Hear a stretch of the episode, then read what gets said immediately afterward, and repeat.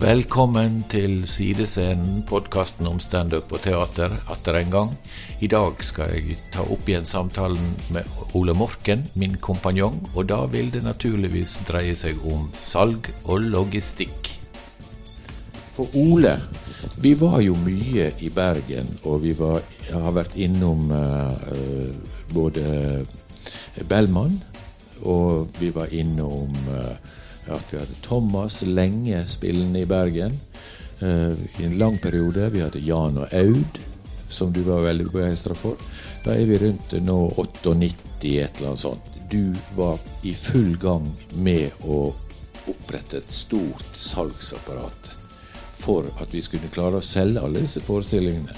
For forestillingene er ikke mye verdt hvis ikke det er, er noen i salen. Det var én ting som jeg husker vi snakket litt om på 90, slutten av 90-tallet, var at vi var litt forundra over at produsenter som, sånn som oss da, eh, hadde faktisk ikke noe sånn salgsapparat. Eh, altså Et lite hotell på Vestlandet kunne jo ha en salgsavdeling. Ja, vi, vi, snakket jo eh, mye med han på Hotell Augustin. Ja. Sant, som jo var veldig flink, og hadde gjort sånne ting i samarbeid med Nasjonale Scene før. Ja, for du, altså Det salgssystemet som vi hadde, var jo basert på veldig mange forskjellige måter å tenke på. Et av de områdene som du er inne på nå, var jo at uh, tidlig så begynte vi å samarbeide med hotellet fordi vi fant ut at hotellet var tomme i helgene. Ja, Og så trengte jo vi steder å ha artistene våre boende. Ikke minst. Sånn at det var en vinn-vinn-situasjon. Hvor vi fylte opp hotellet i helgene. og og hvor eh, vi også fikk i bytte mulighet av at våre artister kunne bo på hotellet. Ta den enda litt nærmere, du, Ole. Ja. Sånn, og der, jeg, der, får jeg dybden i stemmen din. Ja. Det er fint. Eh, sånn at du kan si eh, den, den, situasjonen der med å begynne å samarbeide med hotellet for salg, hvor vi liksom utnytta hverandres potensial, det begynte vi med smått i Bergen. Og så overførte vi også dette til Oslo i neste omgang. sånn at dette ble en ganske stor business. Og er det fremdeles i dag, når vi er i 2020, så er det dette ikke, For det var ikke et organisert salgsapparat for det kommersielle teateret i Bergen når du begynte å jobbe med han eh, på Augustin. Husker du hva han heter? Han het Erik uh, Salgssjefen der ute, ja. Han var jo en veldig hyggelig type. Veldig flink. Ja. Veldig, han var veldig tidlig på. Hele hotellkjeden der til uh, til Augustin var, eh, har alltid vært veldig flinke. Ja, de er jo òg Hotell Terminus ja. nå. De er jo blitt veldig en stor, en stor aktør ja. i Bergen. Eh, poenget mitt var å si at det, det, det utvikla seg et sånn eh, Det hotellsalget utvikla seg og ble flytta til Oslo og ble ganske stor business.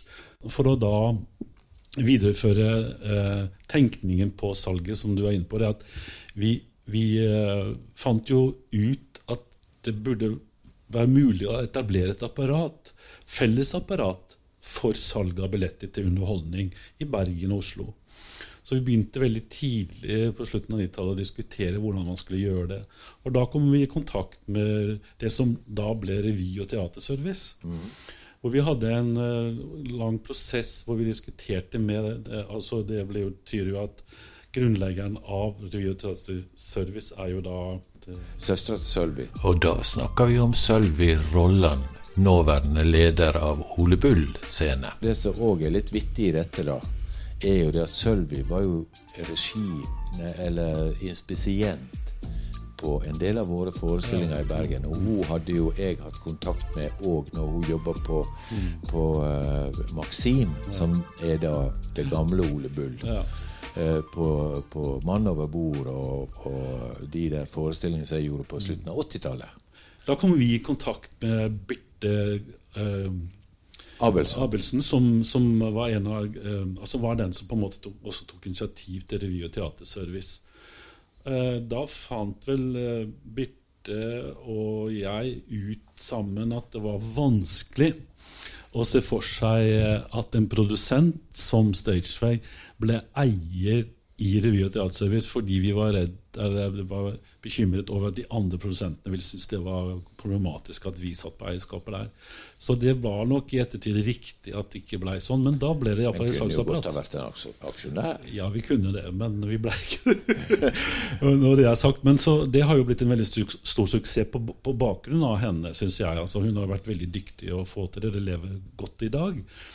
Og, og da fikk man jo et apparat som tok imot kunder, grupper, særlig gruppesalget. ikke sant? Det var veldig viktig å få. Og hotellsalget vel òg, ja, og med overnatting. Fra, ut, ut, ja, fra Det er rett og slett satt i system. Ja.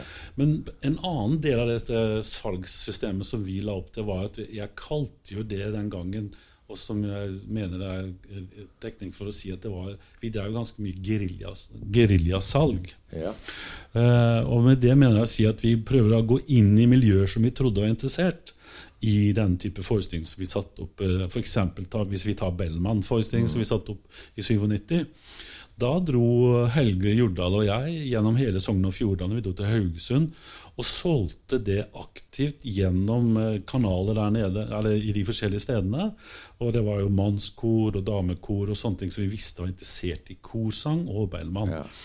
Og det fikk veldig gode, eh, gode resultater. Og den jobben som Helge er jo veldig GMP altså Helge Jordal var jo en sånn type som forsto hva dette betydde. Så vi dro i flere dager og drev dette salget. Det, det, det kaller jeg et geriljasalg, for da kommer du tett på de du skal selge til, og får et forhold til det, og du får da et nettverk.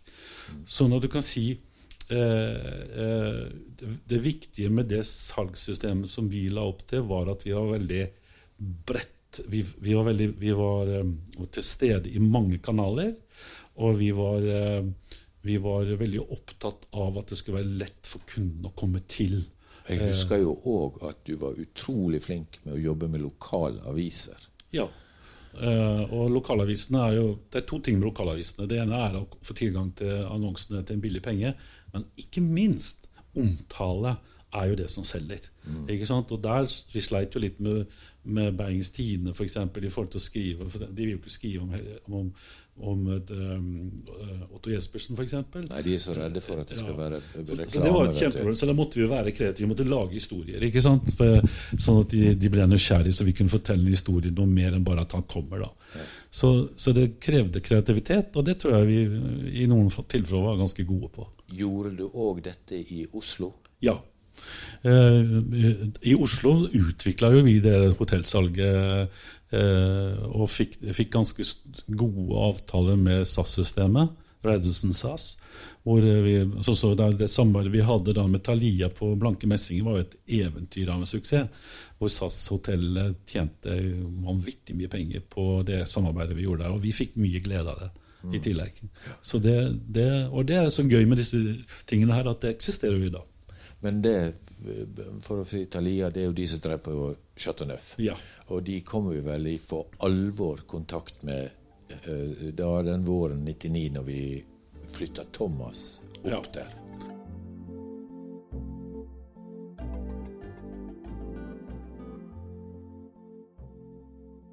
Thomas var ganske Han hadde jo jobba veldig lenge og drevet våre by overalt i Norge med den forestillingen. Så, når vi da var snakk om å gjøre det enda en runde på Chanteneuf, så var vi vel litt usikre på om det var riktig, men det ble jo et eventyr. Det kom jo bare 40 000 mennesker til. Det var noe sånt. Vi enda jo på 120 000 Ja. mennesker. Og Den gangen så var det et veldig høyt tall for en Det standup-forestilling. Det var helt vanvittig for en standup-forestilling. si det. Men, og, og det som jeg òg vel vil si i forhold til den forestillingen, at det har jo på en måte blitt en mal, sånn som eh, de store standup-artistene har gjort eh, Mm. Ja. i ettertid i Norge. Jeg vet ikke om noe annet land der standup-artistene i den grad tenker at de Mm. må ha en helaften for å på en måte ha nådd uh, førstedivisjon. Ja, også dette med at vi var veldig usikre om standup kunne tåle så stort, altså opp i 1500-1600 mennesker på Det var jeg veldig usikker på om det kunne funke. Og heldigvis så turde vi å gjøre det, og da har vi sett i ettertid at det går jo fint hvis det er bra kvalitet. Mm. Og hvis det er en viss størrelse på produksjon. Ja, ikke minst. At man må ha det En slags scenografi. Ja, og, og du ser jo òg at uh, eh, veldig mange av standup-forestillingene i Norge bruker jo òg musikere ja. I, i, sammen med Det grenser jo opp mot show, ikke sant. Ja det, det ble, en kombinasjon her, men Den andre som vi òg hadde, som var, jo var en kjempestor suksess i den akkurat den samme våren 1999, var jo Ungkarsfesten i Bergen. Og jeg husker, altså nå på Polen, vi snakker om markedsføring, så for, for, bare for litt sånn tull, da, så lagde jeg noen kort kort som vi la ut på mange barer. Ja. Eh, et ungkarskort eh, hvor det står 'Håp for alle'. Men det står at du kunne fylle opp et telefonnummer på det kortet. Og jeg tenkte at det var, sikkert noen bare som ikke gadd å ha det der liggende. Men jeg, jeg reiste rundt med det der. Og det rare med det var jo at jeg fikk telefon om å få flere kort. For da var det da noen damer som fylte ut de der Idet de skulle gå, så ga de til noen av disse her såkalte ungkarene. Men det hadde jeg ikke forventa. Det var bare et stunt fra vår side. Men, men det var en veldig gøy ting med den forestillingen. Og, og den, den Jeg må jo si det at eh, jeg, vet, jeg husker ikke hvor, antallet mennesker vi hadde på den, men det, var, eh, det ble en suksess, faktisk. Det ble en stor suksess. Ja. Jeg tror vi enda rundt en 30 000. eller Var det såpass? Ja, ja. ja, Det er helt utrolig. Så eh, det var en, en solid suksess i Bergen. Ja. Så, men så etter den tiden så begynte vi å vende på en måte blikket tilbake igjen litt mot Oslo. Du hadde jo òg da kjøpt seg leilighet i Bergen, så du hadde Ja. sted å være der borte. Og ikke alltid måtte bo, bo på suiten på hotellet. Det var, det var fordel. men da kom vi jo til the end med Lompelandslaget. For vi hadde jo òg der eh, senere Lompelandslaget legger lista litt litt lavere. Mm. Så vi hadde to produksjoner da på Lompelandslaget som på en måte gikk ganske på rappen. eh, Det som, det som var spennende, synes jeg, eh, med Lompelandslaget, var jo at de, det ble en slags sånn kultgreie i Oslo. Altså Det var liksom 15 000 mennesker faktisk som digga den form for humor som man kan- kan vel si at de hadde sin form. Eh, og, og jeg må jo si at eh, av alle de tingene som, som vi har produsert, så må jeg si at Lompene var det ganske mye gøy med. Altså vi ikke snakke om altså bak scenen før, før show eh, med dem. Det var jo et eventyr. For, så kreativ og så altså sånn eh, slapp, sånn humor på, bak scenen. Og, nei, det, det var jo et eventyr å jobbe med Lompelandslaget. Altså. Så hadde vi jo òg der eh, Samarbeida vi jo med de som drev Scene Vest. Ja. Knut Helgaker og Bjørn Jensen. Eh, som jo òg var litt sånn samme Ja. type folk, da. Ja. Eh, kanskje litt mer cowboy enn vi var, men utrolig idealistiske. Dedikerte. Og en, list, en, virkelig en lyst til å holde på med Ja. dette, og syntes det var moro. Det, det var en fin tid med de, med de gutta eh, Med alle de forestillingene vi gjorde sammen med dem. Så var Scene Vest en veldig intim var en veldig intim og flott scene. Eh, Det heter vel Victoria i dag? Ja, Scene Vest Victoria. Ja. Ja. Eller det heter vel ikke Scene Vest lenger, det heter vel bare Victoria. Victoria. Det er vel en jazzscene nå, tror jeg. Ja. mm. men, det, men det var jo Altså Lompelandslaget eh, Den kombinasjonen med de Altså med Linn Skåberg og Siv Anita Andersen, og så Øyvind Angeltveit og han, Trond Hansen. Trond Hansen, det var en kombinasjon som var passa lompene. Det, det ble et veldig fin greie, altså. Jeg vil si det. Ja. Men så øh, videre der òg på Scene Vest. Ja, det var faktisk i år 2000 det òg. At vi hadde kommet i kontakt med Otto Jespersen, som hadde lyst å prøve og han, Jeg husker han tok kontakt med oss og hadde lyst til å prøve å gjøre en forestilling utenfor øh, En sceneforestilling utenfor TV. Han hadde jo bare jobba radio og TV fram til den tid. Og som var en mann vi greip begjærlig. Ja, det, og det må jeg si Det må jeg jo nesten si til deg, Knut, selv om vi Altså, der tror jeg at du var rett mann kunstnerisk sett. Du, du så Otto Jespersen og hans muligheter for å lage sceneversjon av seg selv. Eh, og jeg må jo si at det var vel Fremad i alle retninger som var den første forestillingen hans. Og det, det var jo et nytt eh, Hva skal jeg si Det er en annen, litt annen form enn det vi, vi var vant til. Mye mer te rent teater. Ja, rett og slett. Altså, hvor, han er jo fantastisk med å lage, gjøre sine figurer ekte og morsomme. Og det, det må jeg si at eh, Otto Jespersen er eh, hel ved, altså. Til de grader. Ja, jeg vil si det, altså. Ja. Så, og, og det som òg var morsomt med Otto, er jo det at han har jo han hadde jo kunstneriske ambisjoner, eh, vel, ganske klare òg, på en måte. Og var liksom våken for Vi hadde en slagverker med som spilte på hans forestillinger. Trommeslageren som vi hadde med oss der eh, i å lage forestillingen, var jo Hans Christian Kjos Sørensen, som er både anerkjent og utrolig dyktig. Og det var Stein Inge Brekkhus mm. fra Bergen, som jeg hadde jobba masse med i Bergen, mm. eh, som spilte de fleste forestillingene. da. Og, og, og det var, jo, var jo et grep som et veldig teatralt grep som Otto brukte i forestillingen. Eh, som, sånn at han hadde en partner å spille mot. Klart, han driver jo og lager fjura. Han står ikke der. Han hadde én monolog som en ren standup-monolog, som Otto Jespersen. Men ellers var det jo hans figur, de diverse figurene han hadde. Jeg husker jo veldig godt også scenografen her. Eh, Jon Christian Alsaker. Da vi diskuterte hvordan dette skulle, scenebildet skulle se For han står jo, trommeslageren sitter jo på et svært eh, oppbygd eh, Han sitter jo ganske høyt oppe. Ja. Men det han gjorde, det var at han Og da ble vi litt usikre på hva han egentlig holdt på med, for han tok jo ned alt som var av tepper. Og han fjerna jo alt som var på scenen. Ja. Ikke sant? Og det var det enkle grepet. Han, han var altså, fantastisk scenograf, spør du meg. Altså. Mm. Han bare så hvordan det skulle stemme med Otto Jespersen. ikke sant? Fjerna alt, trommeslageren, og så var vi i gang. på en måte. Ganske spennende valg av Vi var jo veldig fornøyd, for det kosta ikke noe penger.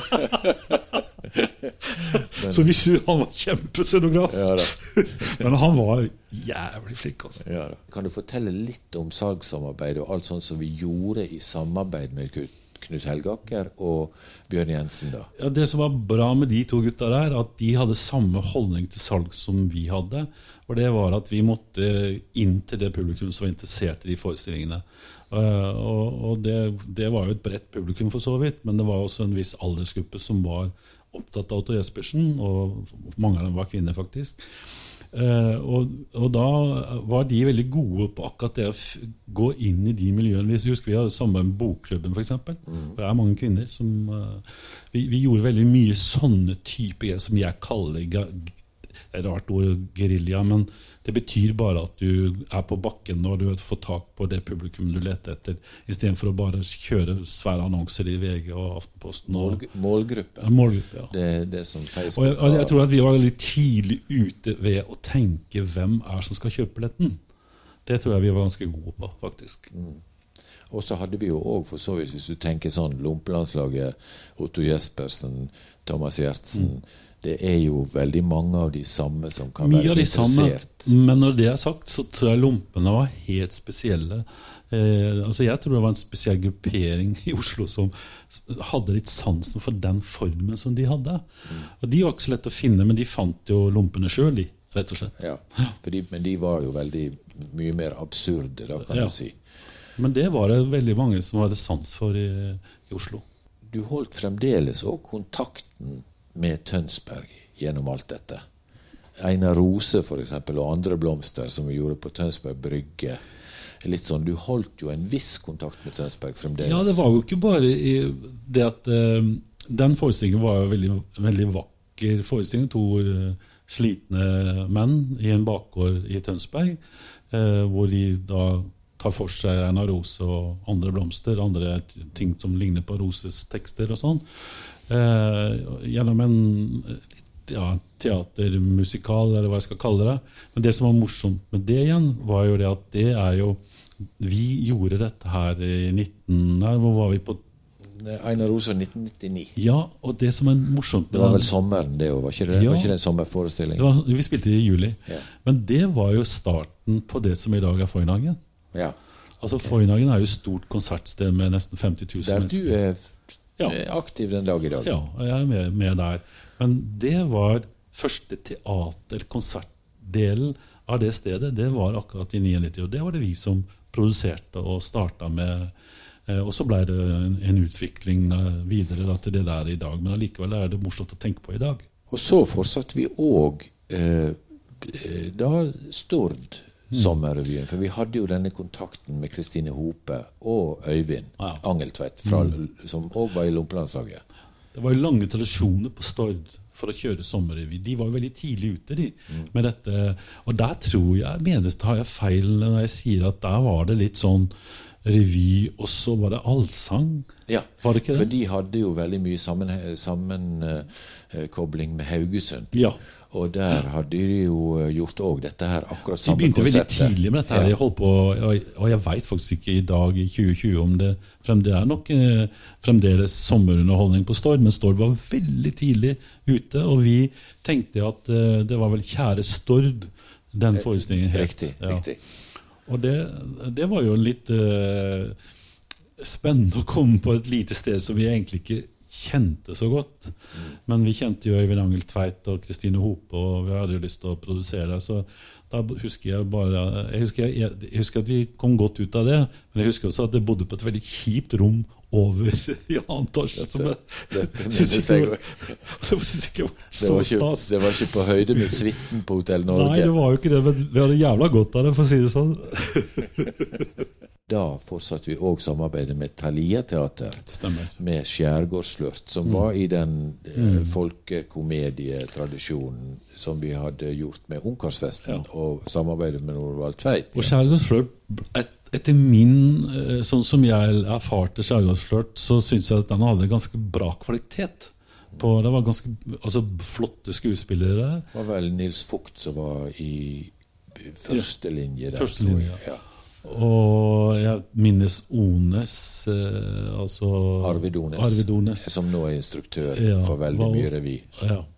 Og, og det var en produksjon som jeg Både scenografisk og innhold, altså sånn skuespiller og produksjon Veldig bra, eh, bra forestilling. Og jeg mener at vi også samarbeider med Den nasjonale scenen på den. Det kan godt være. Det kan ikke jeg si at Vi hadde et, jeg, minnes. eh, vi hadde et lite samarbeid med dem på Ja. dette. For da var jo jeg faktisk slutta på Nasjonale scener. Ja, det er riktig. Det Men vi hadde en liten, et lite samarbeid med dem på den. Og Thalia Teater. Så hadde vi da eh, forestilling med og med Tommy Steine, Mm. som vi begynte med på Smuget. Ja, så For å ta litt eh, Tommy Steine sin eh, Vi gjorde vel to forestillinger med, Med Tommy, ja. Tommy. Ja. Tommy Steine er en fyr som kan opptre for Telenor i kantina klokka tolv på formiddagen. Og faen få eh, folk til å glemme at de er i kantina og det er midt på dagen. Og gjøre det klokka halv ett på natta med gale folk på nattklubb. Det, det kan Tommy Steine. Det er veldig få, altså Han er noe sånn rock'n'roll-over på sitt beste.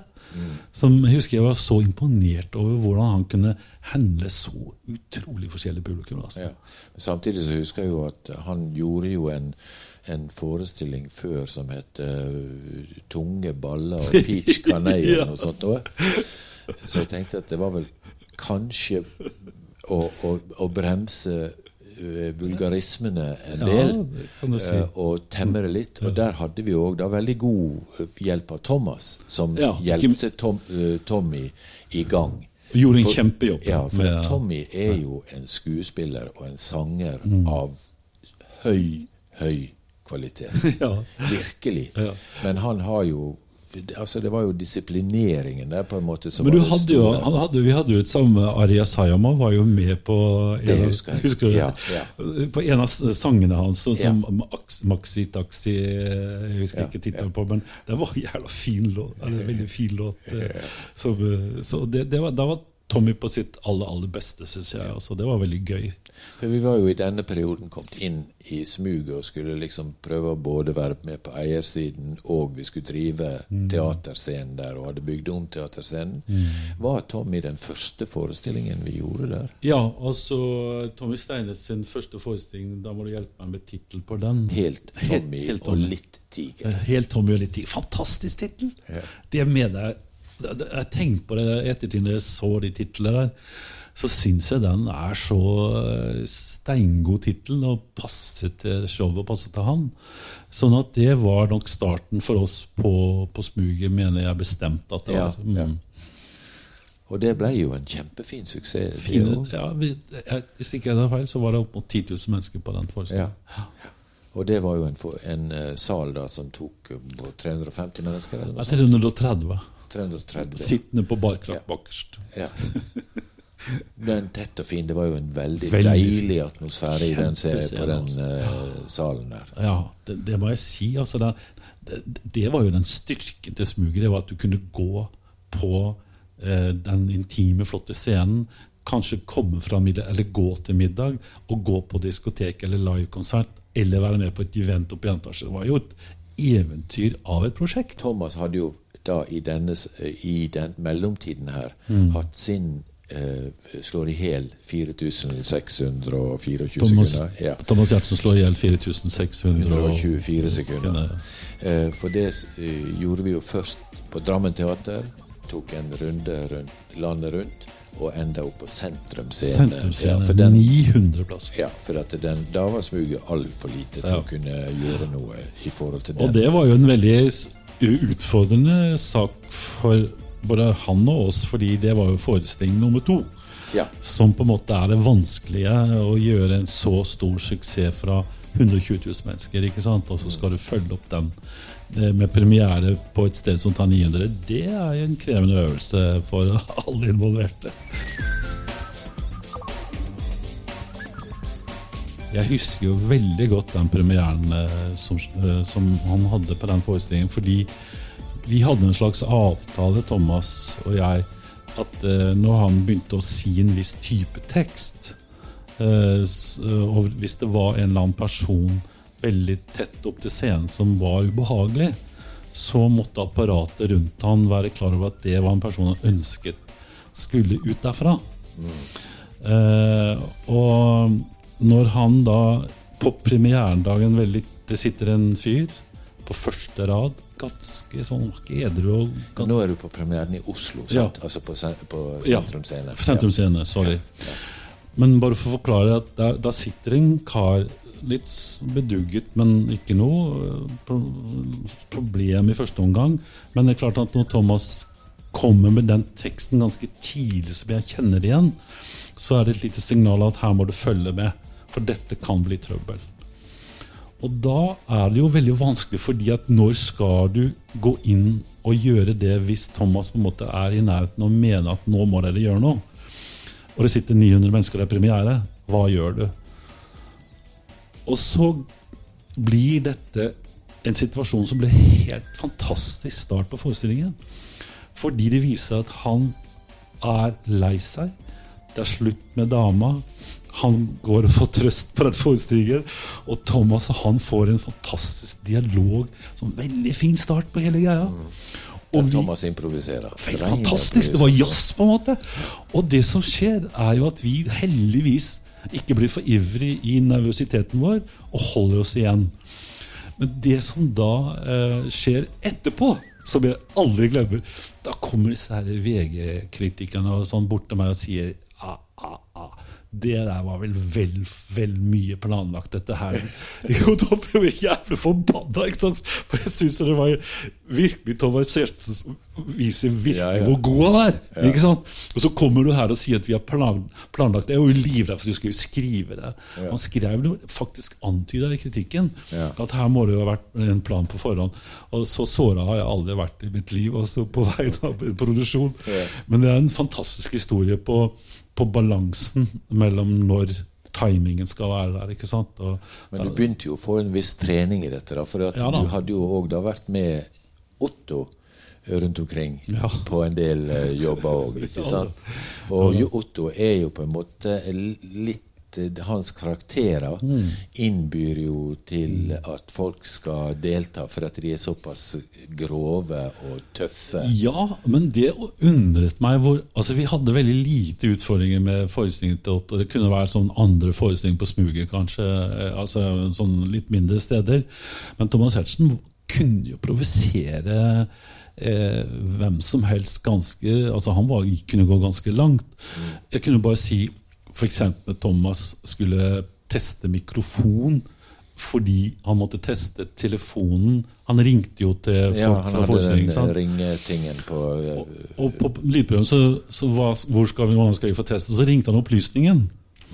Og det han tulla med der, på opplysningen var det at opplysningen kan ikke legge på før du har lagt på. Og det var, jo, det var jo lydprøver der som varte i tre kvarter. For Thomas ville ikke gi seg. Så, men nå må, du, nå må du slutte, sier damen i telefonen. Nei, du må legge på. Sånn holdt på. Holdt, vi, holdt på. vi lo jo så vi lå flate. vet du. Det, det, det gøyeste på turneen var jo lydprøven til Thomas Giertsen. Ja, for, for de som jobba. Ja, for oss som jobba, selvfølgelig. Ja. Jeg måtte bare si det, for det var, der var han helt brutal rå. altså. Ja.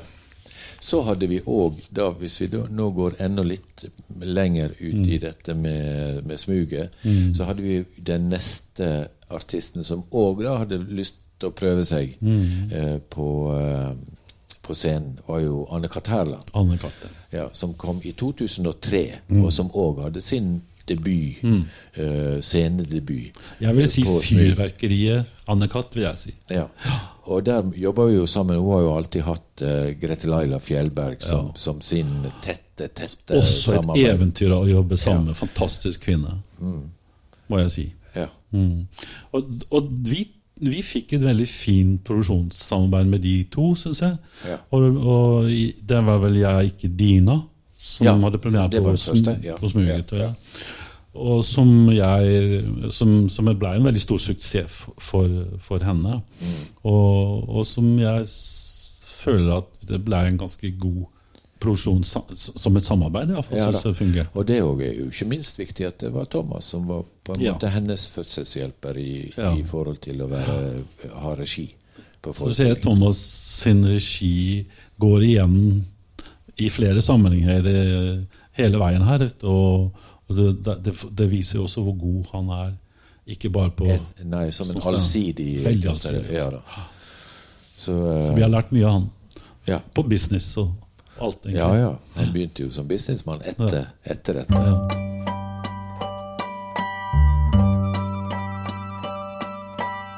Jeg har et barndomsminne som har fulgt meg gjennom hele oppveksten og langt inn i voksen alder.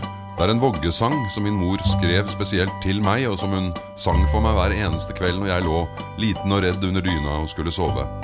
Og den sang hun helt fram til jeg fylte 18 og begynte å sove alene. Hva heter den til Otto neste? Den heter Stolt, hvit og vanskelig. Stolt, hvit og vanskelig. Som vi òg fikk i gang et veldig godt annet samarbeid må jeg si. Det var jo Marit, uh, Marit Moum Aune. Det var jo Bjarte Hjelmeland som hadde hatt første, ja. den første. Mm. Og, og, Marit Moum Aune var jo faktisk Otto sitt eget forslag, eller kanskje heller Ingrid Lorentzen, ja, som han er gift med, da, mm. som kom med Marit og spurte om ikke det kunne være. Og det var et det var et veldig morsomt uh, samarbeid, syns jeg. Og vi hadde òg med det som hun tok med én gang. For jeg har jo alltid disse musikalske ambisjonene på, på alle forestillinger. Mm. Og kom med, hva med Stian Karstensen ja, og, ja, og uh, hans band? Ja.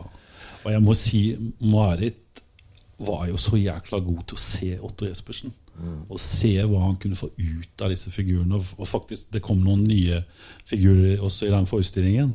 Også dette geniale trekket med å ta inn disse musikerne som, som i seg sjøl var personligheter. De var jo steingode å spille, men de var jo så jækla gode til å bli en del av Ottos prosjekt.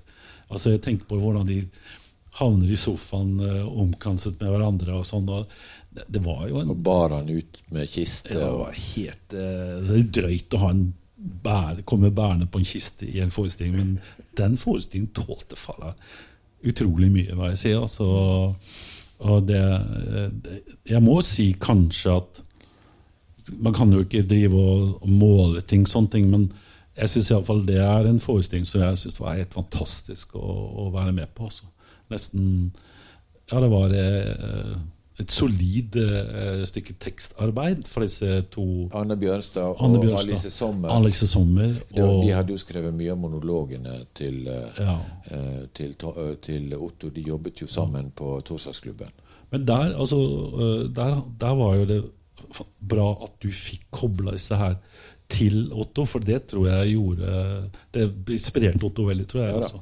Vi gjorde jo i, denne, i samme rennet som dette, i og med at vi snakker mest om forestillingene nå, så må vi jo ikke glemme at vi hadde Torsdagsklubben live ja. hver eneste torsdag Ja. og, eh, mens vi holdt på nede, nede på Smuget, som jo òg var en utrolig ja, Og var veldig gøy å gjøre òg.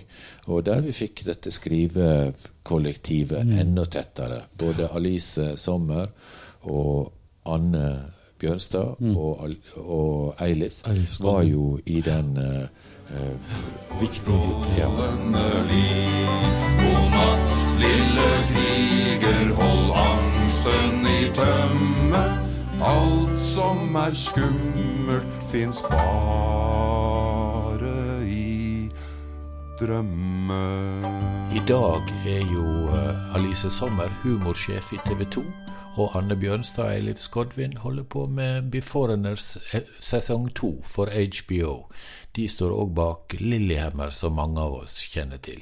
Jeg må jo si at det var til tider ganske stor dramatikk i det greiene der. Altså fordi at jeg husker jo at Otto hadde gått ut bl.a. mot statsministeren, eh, altså Bondevik. da Ja da. Og det var masse reaksjon- Lykkepi- Lykkepillen og Ja, og, og, og det som var dramatikken på en måte også, det var jo at han fikk et brev i posten med, eh, med en patron i.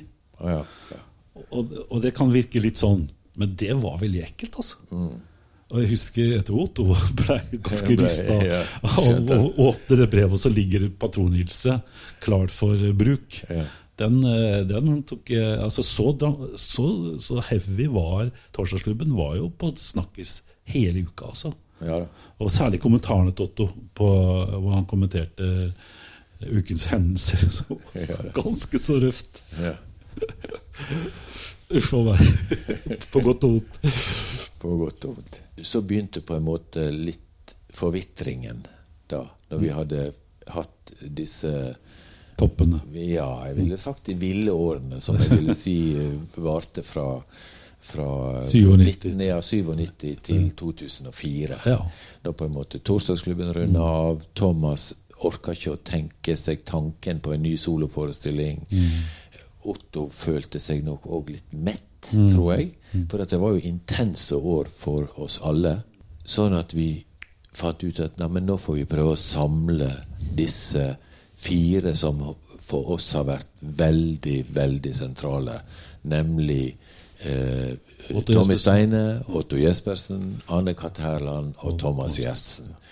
Og kan du si litt om det? For at da endte vi jo opp i Tønsberg igjen. Ja, altså eh, det, det, Hvis du tenker tilbake, så må jeg jo si at vi hadde da jeg vil påstå sju-åtte veldig intense produksjonsår. Jeg tror at vi hadde sånn 14-15 times arbeidsdager. Det er et slags livsførsel som kan ligne litt på å drive sirkus. Det blir jo reine skjære galskap. For risikoen er enormt høy, eh, og, og det krevende arbeid. Men først og fremst, eh, som jeg tillater meg å si til deg og til meg selv, at vi har iallfall ikke manglet lidenskapen så lenge vi har produsert. Og, og, og jeg tror med hånden på hjertet at det, har ikke vært kapitalstyrt. Det har vært kapitalstyrt i forhold til å få det til å gå, men det, det har vært, eh, vært lidenskapen for å skape eh, disse forestillingene. Og Sommerklubben blei jo en interessant eh, produksjon i forhold til at vi puttet disse fire komikerne sammen, som også var noe som på en måte ikke så mange som hadde tenkt at man kan gjøre. Og vi var vel litt usikre på det, også, om det var lurt. Og samtidig så, så satt jeg der, og, og, og vi fant ut at Knut, nå bare gjør du og er instruktør for den Ja, ikke minst.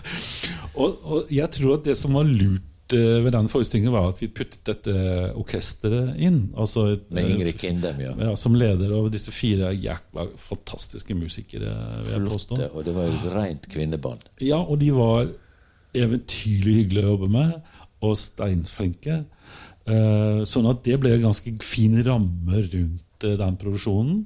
Sommerlig, og, og eh, komikerne tok ut det beste de hadde. Og vi hadde Tommy Steine som faktisk synger eh, tålelig bra. Som gjorde at Ikke bare eh, tålelig bra, han Ja, altså, han synger veldig bra. Ja. men, men, men det at det fikk den musikalske tiden, greia, også Thomas Hertzen som en sånn vert for det hele, på en måte, som også blir altså Vi glemte kanskje å nevne at dette også var altså grunnlaget for disse her eh, gallaforestillingene som kjørte til jul i de store salene. på en måte. Så, eh, med den kombinasjonen her som i dag veldig mange gjør. Thomas har jo også fulgt opp den måten å gjøre dette på. Men, men eh, klubben, det var sommeren. Altså Tønsberg og klubben og Rolf Weslund i 1968 skapte jo sommerunderholdning for første gang utafor de store sentrum. Og, og, og, det har vart over 50 år i Tønsberg. Og da fant vi ut at det var et spennende sted å gjennomføre denne produksjonen på. Og jeg må jo si, vi visste vel ikke det på forhånd, men det kom altså da langt over 20 000 mennesker i løpet av fire-fem sommeruker. Og det er et ganske høyt antall mennesker når du ser på kapasiteten på den salen. Altså. Og det ble et eventyr. Det ble en fin, folk, eh, altså Produksjonen altså eh, Komikerne fikk jo en fin sommer på hver sine store, flotte hytter. Og levde som noen grever et stund, iallfall. Sånn, sånn at uh, Jeg tror at det i ettertid viste seg å være en fin måte å koble ressursene sammen. da. Ja da, og det, det som var veldig bra, var jo at det var faktisk en veldig god kjemi mellom disse fire mm. eh, nokså forskjellige arter av komikere, som kom fra veldig, veldig forskjellige eh, typer bakgrunner. Ja. Men for oss så betydde det jo det på en måte var liksom en kulminasjon av ja. nesten ti års intens, intens jobbing. Da var det jo litt mer Vi hadde allerede da en god planlegging på Hadde, hadde uh, Otto som spilte videre i uh, Stolt, hvit og vanskelig. Mm. Sant? Vi gjorde òg et, I ettertid av dette uh, så gjorde vi jo Helt besatt med mm. Bjarte Hjelmeland, som òg ble en veldig fin suksess med, som Toralf Maurstad som instruktør. Men som òg var en sånn en litt sånn liten, intim, fin produksjon uten at man hadde de kjempestore vyene at man skulle ha så og så mange mennesker inn på det hele. Og man merka jo slitasjen på oss òg, eh, som gjorde at det var vel på tide å begynne å runde av og, og, og, og tenke at eh, jeg sjøl var jo fullstendig utslitt og gikk jo i nærmest eh, ja, fra 2005 mm. eller noe sånt, så mm. var det vel temmelig slutt på det som var mulig å hente ut av ressurser. Og jeg tror nok at det er jo ganske viktig det der, eh, at man på en måte kjenner etter at når liksom du må lete etter kraften, da er det på en måte sikkert uh, lurt å ha en slags timing på det. Mm. Og det føler jeg vel at det har vært tilfellet. At vi har på en måte vært flinke på å skjønne at ok, det her det intense kjøret her, det, det, det, kan noen andre få lov å ta tak i. Ja. Og vi for så vidt kan fortsette det som har blitt et livslangt vennskap. Ja, ikke minst. Kanskje det viktigste.